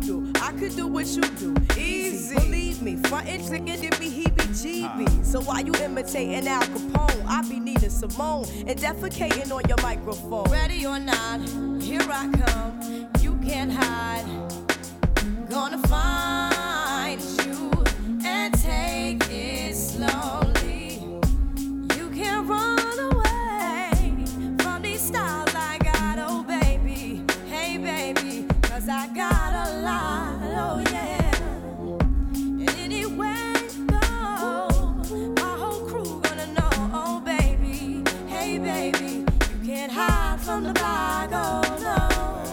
Ready or not, refugees taking over. The Buffalo Soldier, dreadlock roster. On the 12th hour, fly by in my bomber. Crews run for cover, now they under pushing up flowers. Super fly, true lies do or die. Toss me high, only puff fly with my crew from like high. I, refugee from Guantanamo Bay.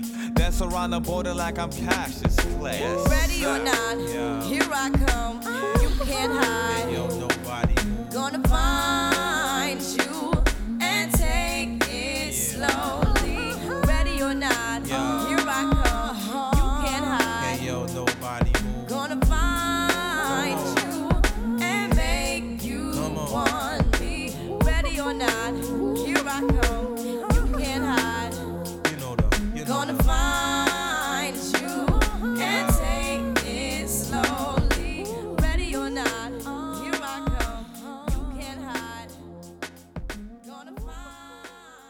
Þú ert að hlusta á morgunútvarpið. Á Rás 2. Já, nú þegar skemmtana lífið fyrir að taka við sig eðlilega mynd fara leigubílaræðirnar í miðborginni einnig að lengjast og margir hugsa hlýlega til næturstrætó sem hefur leið í dvala frá upphafi kórunuvörufaldusins og Sindri Freyr Áskilsson fórseti umhverjus og samgöngu nefndar stúdendaraðs Háskóla Íslands er komin inga til okkar. Já, góðan daginn. Góðan dag. Þú skrifar vinsala grein á vísi í gærum ágæti næturstrætósins. Sko, hvernig hafið þið í stúndaraði verið að, að berast fyrir því að, að næturstrætón verði, verði endur vakin, getur við sagt? Sko, hann var náttúrulega laður niður uh, upp af, eins og sagðir, upp af koronaviru falsins og svo berast það fréttir síðasta sumar að uh, svo tímabundna hérna, ráðstöðun yrði varanleg og þá fyrst förum við að tjá okkur, við hérna, stúdendar álittar um það og, og sendir þessa álittun á strætó og, og, og lýsir yfir óhannu sinni og, og hvetur strætó til þess að, að hérna, snúa við þessari ákvörðun.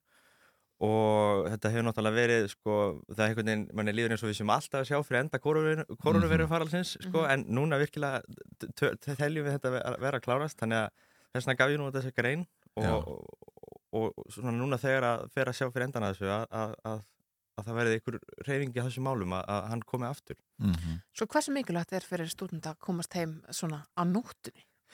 Sko, Þetta ekki bara að komin heim og kóju bara upp, upp úr tíu, allavega. Er það ekki nóg fyrir ykkur?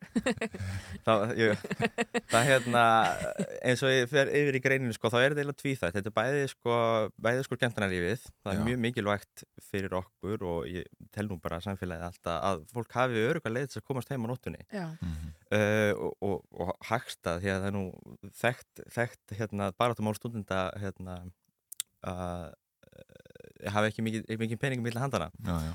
Uh, en sömulegis tala ég um sko í greininni að þetta er sko, þetta er líka það að, að stúdendari eru ofta vin, í, í vaktavinnu eða, eða að vinna á einhverjum óhefnum tímum á nóttunni og svona, það var náttúrulega heilbriðsvísindasviði, það er kannski fólk sem vinnur á spítalanum og svona. Og það er mjög mikilvægt fyrir fólk að geta komist líka heim úr, úr vinnunni. Já, einmitt. Og, og þau sem hafa lært á, á til að mynda meilandi Evrópu, einhvern veginn þekkja það að geta tekið lest hvenna sem er á sólarhingnum og, og eða strætu eða hvað það er. Um, sko, hvaða svör þið náttúrulega fundið vantilega reglulega þarna í umhverjus og samgöngu nefnd, hafið þið fengið einhver svör annarkvör frá strætó eða, eða frá um, bara yfirvaldinu upp í, upp í skóla um, um svona stöðuna á þessum samgöngumálum? Um, við höfum fengið svör frá strætó um að, að þessi mál séu sífælt í skoðun og ég ber bara mikla vonur fyrir því að, að, að, eftir því að það sé þá jákvætt. Mhm. Uh, ég síni því fullan skilning að þessi ynga fórsundi fyrir nætustrætt og í heimsvaraldri en, en, en ég, hérna, ég vona þá innilega að þetta verið þá endur skoða þegar að nætulífi fyrir aftur á stað. Og, hérna, og þá, þá komið þá svona alvöru svar kannski hérna, þegar það eh, þegar nætulífi fyrir aftur á stað. Það er stutt í það auðvitað all- all- að mista kostið með að við fyrirheit stjórnvalda. Þannig að, að, að það kannski leikur svolítið á að, að strætó fari að, að svona svara ykkar kröfu eða hvað. Já, já, ég, hérna, ég til að, að það sé svolítið, hérna, og það er náttúrulega sveitastunarkostningar á næstunni, þannig að, að, hérna, að þetta geti kannski orðið svolítið eitthvað sem að er umtalað þar, Mhm. en ég, einmitt, tel að það, hérna, sé svolítið mikilvægt að, að, að strætó allavega íhugi þessa ákvörðun sína að, að, að leggja niður, því að hann var mikil ánægð með hann á sín tíma. En hvað með búsetu uh, stúdenda? Núna uh, sko, eru auðvitað flesti sem að, auðvitað mörgla margir sem að hugsa, ég meina bú ekki stúdendar meira og minna á stúdendagörðurum í Vassmýrinni og kannski upp á Lindagötu, sko, getur þetta fólk ekki bara labbað heim á djamminu? Er þetta er stór hópur stúdenda sem að, að þarf að taka strætó upp í Hafnarfjörðu eða Kópu og eða vellina hvað sem er? Já, ég, hérna, ég held að þetta sé frekar stór hópur. Uh, nú er ég ekki með tölunar nákvæmlega hreinu, en, en mér minnir að það sé um 15.000 uh, nefendur við Háskóli Íslands. Og þau búa, það er ekki, ekki næstu allir sem að búa á stundagorunum, þannig að það er mjög margir sem að búa annarkvært heim með mamma og pappa eða leigu húsnæði og hérna, og hérna, þannig að það er mikilvægt að, að, að fólk geti átt greiða leið heim, sko. Já, já, einmitt. Uh, kannski svona rétt í lokin og kannski, kannski stór spurning, sko, uh, það er alltaf verið talað um að, að hérna, bæta almennilega samgöngur fyrir nefnundur í, í langan tíma og í kringum háskólasæði. Hvernig, sko, sér stúndaráð þetta fyrir sér á, á næsta árum? Hva, hvað þarf að gera? Um, sko, það er náttúrulega, hérna, það þarf að bæta sam, almenni samgöngukerfið uh, í kringum háskólasvæðið og með þeim fyrirhittum sem að borgarlínan er, þá, þá, þá, þá eru bjartari tíma framöndan ef, ef, ef þau standast. Um, það eru svona hlutir eins og, eins og hérna, stræt og eða borgarlínu samgöngur í gegnum háskólasvæði þetta hefur hérna, þau sem hafa kannski verið í háskólanum þekkja hérna ringbrautarstoppið það Mhm. hérna er einhvern veginn svolítið í út í aðri háskólasvæðisins Já, já. þannig að þegar að samgöngunar byrja að keira í gegnum háskólasvæði það strax mun Mhm. bæta mikið Það verður mikið bylting. Ég til það. Já, Sindri, já, einmitt. Sindri fyrir Áskisson, forseti umhverfis og samgöngunendar, stúdendarás háskóla Íslands, takk kærlega fyrir komuna í morgunútarpið og við ætlum að- að skipta aðeins aftur yfir í kvikmyndabransan, við ætlum að ræða við leikstjóran Guðmund Arnar Guðmundsson sem að, en kvikmynd hans, um, Berdreimi, var valinn af samtökum Evróskra kvikmyndahúsa sem besta Evróskra kvikmyndin í panoramaflokki kvikmyndarháttíðarnar í Berlín. Mm, já, þetta er mikil viðurkenning og við ræðum við Guðmund Arnar um, um já, þessa mynd og, og ferilinn og, og hvað tekur núna við. Ef við kannski fáum fyrst sem að meira tónlist.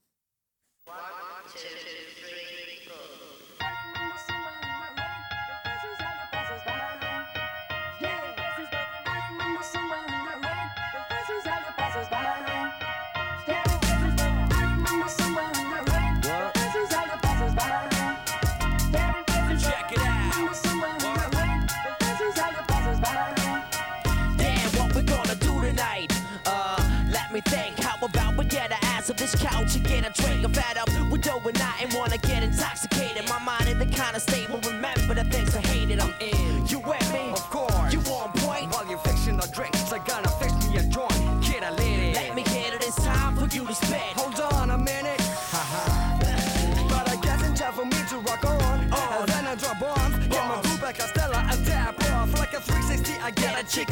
on the floor. Get it soft, you know me. I you don't wanna know more. I'm thinking of every maneuver that I'm planning tonight. Let's get down. Hold my dick, holding the mic. You get it? Yeah, you know what it mean, getting it on. Damn right. Get a chicken, get mine, and get gone.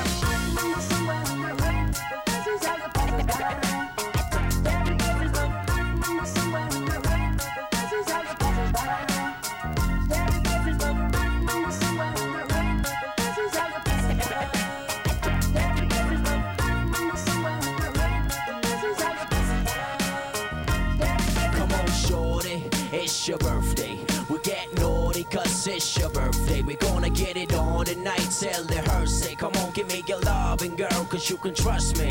Plus, my, yo, my girl, you fly. And why, yo, why would I pass you by? And even I'd ever let you go. I realize, girl, you ain't no ordinary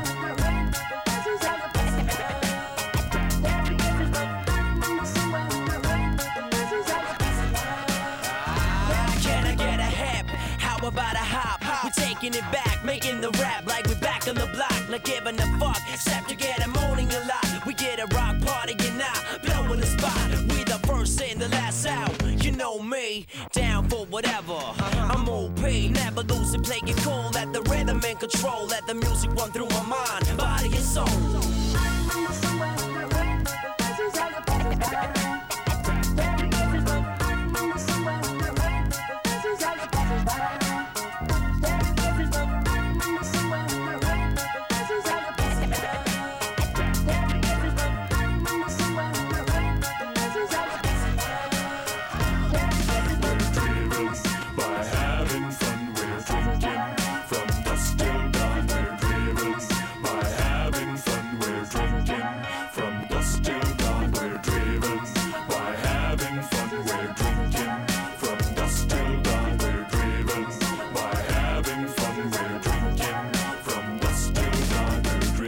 Morgunútvarpið á Rástvö.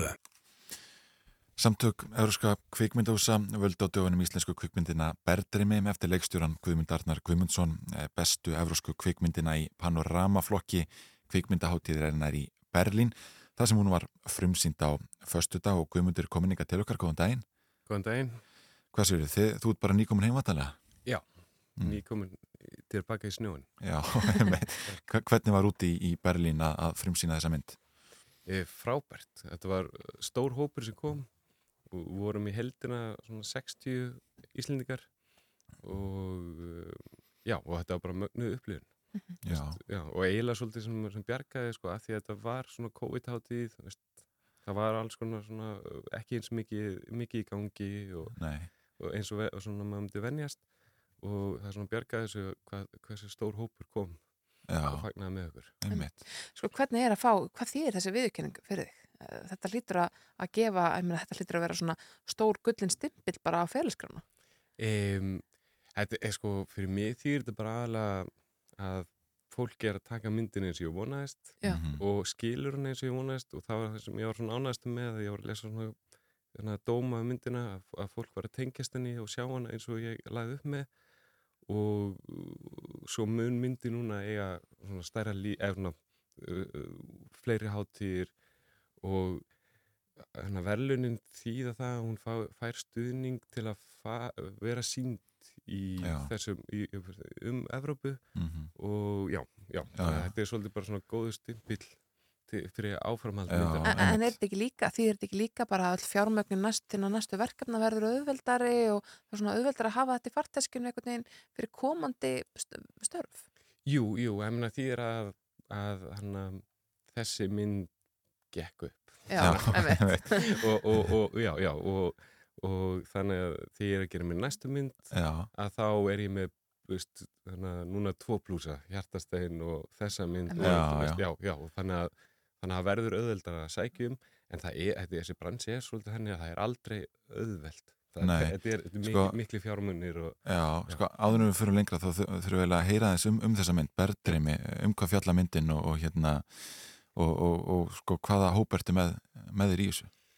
e, hún fjallar um hó, hóp af hana, strákum, vinahóp sem er svolítið ofbeldsniður og e, einn er strákana ákveður að taka inn um, strák sem er læðri rosalega einhaldi, bara sem á enga vini og er svona alveg læstur í fæðikeðinni innan skólans. Mhm. og svo er, fjallar hann svolítið um hvernig þessi strákur uh, hefur áhrif á allan hópin og já og svona, í svona stuttu máli Það taka svona undir sinn vernda væng, þessi svona mikli alfa hópur. Já, já, þessi alfahópur tekur Mhm. þennan strák og fyrst er þeir ekkert rosa góð við hann Mm. en svo svona jafnast út dýnamíkin og, og, og strákarnir svona styðja hvern annan í kennum svolítið Já. erfiða erfiða, já, erfiða atburðar. Þú ert líka að skrifa handritið, eða Já, ekki? Já, einmitt, einmitt. Og, og, og sko, þegar við hugsaum um íslenska kvikmynd sem er að gera vel á erlendri grund, þá hugsaum við oft um, svona sveitasamfélagið og, og þar fram eftir götum. Drónaskot yfir íslensk fjöll. Já, ná, íslensk náttúr og svona, er þetta að fara, er þetta róin á þau mið? Nei, þessi mynd gerist hérna í Reykjavík og ég er búin að vera að gera stuttmyndir áður og hjartastein sem hefur gerst út á landi Mhm. og, og það er rosa blús að hafa þessa magniði náttúru sem við erum með til að leika sem með. Hún er einstök. Já, já, hún er einstök og, en núna erum við að skjóta í borginni og það var ákveðin challenge að, að ná sam, svona, sterkri sjónrænu og eitthvað sem við varum ánægð með inn í þessu umhverfi en, en það tókst rosa vel og, og Mhm. en ég er ég með frábæran tökumann ég er með Sturla Gröflin, norsku tökumæður og hann er bara svona álega heimsmæli hverða Mm. Sko hjartastenni er líka svona, svona uppvast að saga drengja að mörguleiti og sem að þessi hljómar þannig líka á berðreimi. Já. Hvað er það við, við hérna, þennan svona drengjakúltúr sem að höfða svona tíðin sem kvikmyndagerðamaður?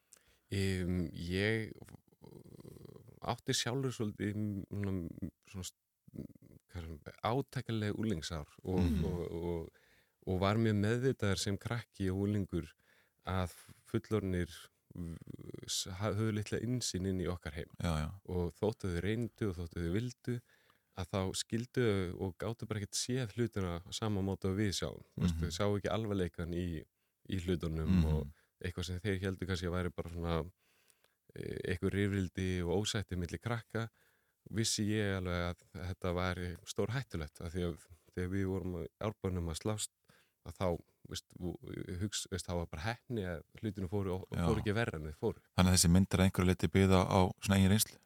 Í, hún er innblásin af, af, af úlingsam árunum mínum í árbænum en hún er skálsa og það er svona mikið vegt að fólk átti þess að því upp á, upp á gamla vini og annað. Það gerist hlutir í myndinni sem ekki gerist í raunveruleikunum Það kemur líka að sinna það í myndinni að það er það skegn móðir sem að sér eh, sko, lengra en, en hérna nefnt nær og svo framvegis. Um, hvað kemur það svona, þessi dulspeki inn í, inn í þessa mynd og þinn innblástur? Um, ég er alveg svolítið upp á heimili sem, sem mikið rætt um drauma og, Já. og skikninga og, og annað er svona hlut af, af, af okkar svona, svona persónulega rými. Og í já og mér, mér fannst mér áhugavert að með það inn í söguna án þess að það eru of stórt þannig að Mhm. þetta er svona hlýðarvingill á sögunni aðalkarættirinn fyrir að skinja okkur hluti en þetta tekur aldrei yfir söguna þetta er bara svona hlýðar hlýðarvingill og maður veist mikið að hafa hann svona lítinn að því að fyrir mér tengi ég það mikið við raunveruleikan að fullt af fólki dreymir hluti og upplifa Mhm. hluti uh, og sem eru svona yfir skil Já, já. Já. en, án þess að, það- að það verði eitthvað rosa mikið þetta er bara, mér dreymdi þetta í nótt Mhm. og svo hitti ég manneskuna En fólk sem að upplifir sér svona, að- sko já, upplifir það að það sjáu jafnvel meira en aðrir og, og skikningáfu eða hefur eitthvað svona forspargáfu eða eitthvað slíkt. Eh, Sko lendir það fólk á jæðrinum, ég meina í samfélaginu, er það, þú veist, er það eitthvað neginn, já, uh, upplifir það sér á skjön við aðra sem að, sjá ekki neitt og, og veit ekki neitt? ég, sko, nei, ég, sko, ég held ekki, ég held að ef þú fer rosa mikið inn í það Mhm. og ef þú auðlýsir það og, og ertu rosa opinskár með það, Já, þá kannski en mín reynsla á Íslandi að þá einhvern veginn hafa allir einhverja sögu um drauma, Já, já. þeir hafa allir einhverja sögu um fjölskyldumælum sem hefur skinnið eitthvað Já. Uh, já, en, en náttúrulega uh, hversu mikið það er og hvort það sétt svona titlaðar miðill og ef það er titlaðar miðill, þá kannski Einmitt, Já. einmitt. Sko, kannski rétt í lokin, myndin er heimsfilmsind, eða var heimsfilmsind í Berlín á föstudaginn. Hvenær geta Íslendingar já, farið á myndina í bíó?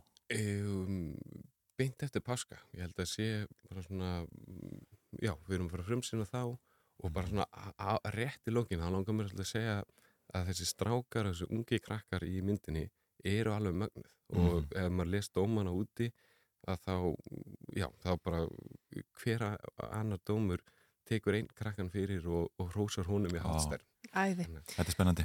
Guðmundur Arnar Guðmundsson, leikstjóri, takk kærlega fyrir komuna í morgunúttarpið. Við komumst ekki lengra í dag, verðum bara að þakka fyrir frábæra viku hér í morgunúttarpinu og hlakkum til að vera með ykkur í næstu. Já, við þakkum fyrir samfélgdana í dag.